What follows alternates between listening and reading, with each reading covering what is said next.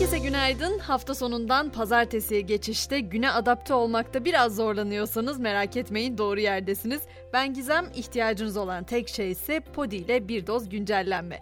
Hafta sonundan bugüne neleri konuşuyoruz, bugün neler bizi bekliyor hadi gelin hepsine birlikte bakalım. Her işin başı sağlık diyerek başlamak istiyorum ama işte o sağlığımızı koruyabilmemiz için de çevremize iyi bakmamız şart. Çevremiz dediğimizde de tabii ki iklimde bu çevresel faktörlerin en önemlisi. Birleşmiş Milletler İklim Zirvesi'ne getireceğim konuyu. Mısır'da başladı bu zirve.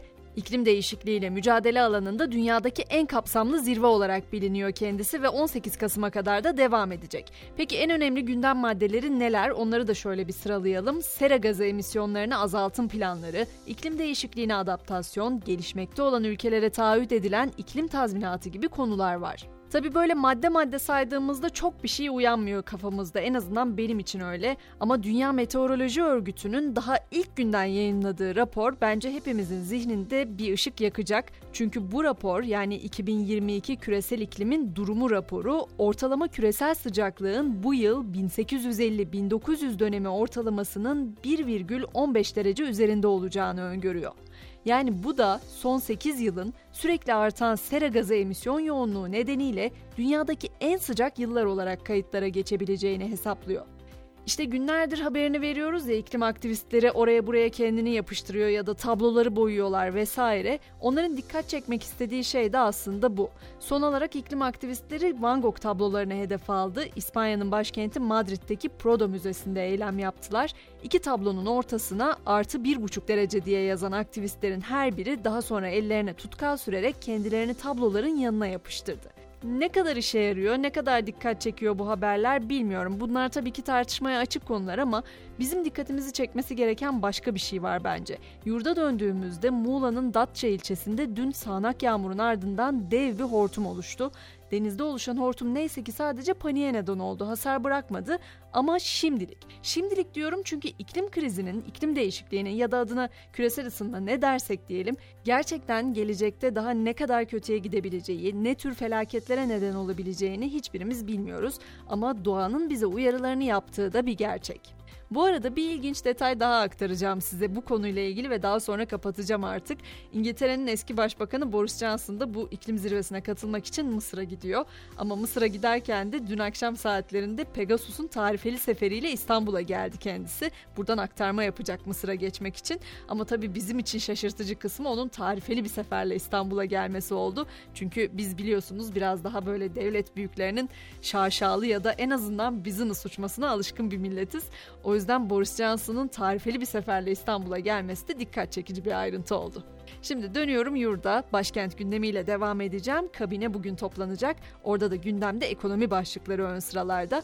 Özellikle işçi, memur ve emekliler toplantıdan çıkabilecek kararları bekliyor. Çünkü yıl başında yapılacak bir zam var biliyorsunuz. Bu zamma ilaveten verilmesi planlanan refah payının da gündemde olması bekleniyor kabinede. O yüzden de gözümüz kulağımız bir yandan da kabinede ele alınacağı tahmin edilen bu konularda.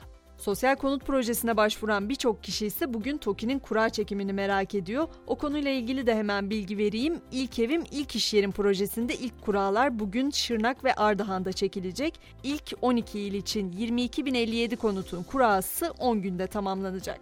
Peki günlerdir konuştuğumuz Twitter'la ilgili yeni haber yok mu? Elbette var. Twitter'da mavi tik sahibi olmak isteyenlerden 8 dolar ücret almaya başlamak için iOS uygulamasını güncelledi.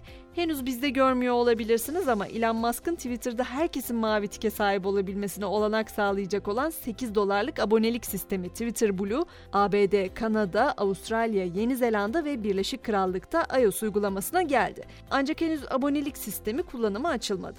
Öte yandan bir diğer gelişmede Twitter'da paylaşılan gönderilerdeki limit şu an biliyorsunuz 280 karakter. Tweetlere uzun yazılar ekleme özelliği de gelmesi beklenen yenilikler arasında.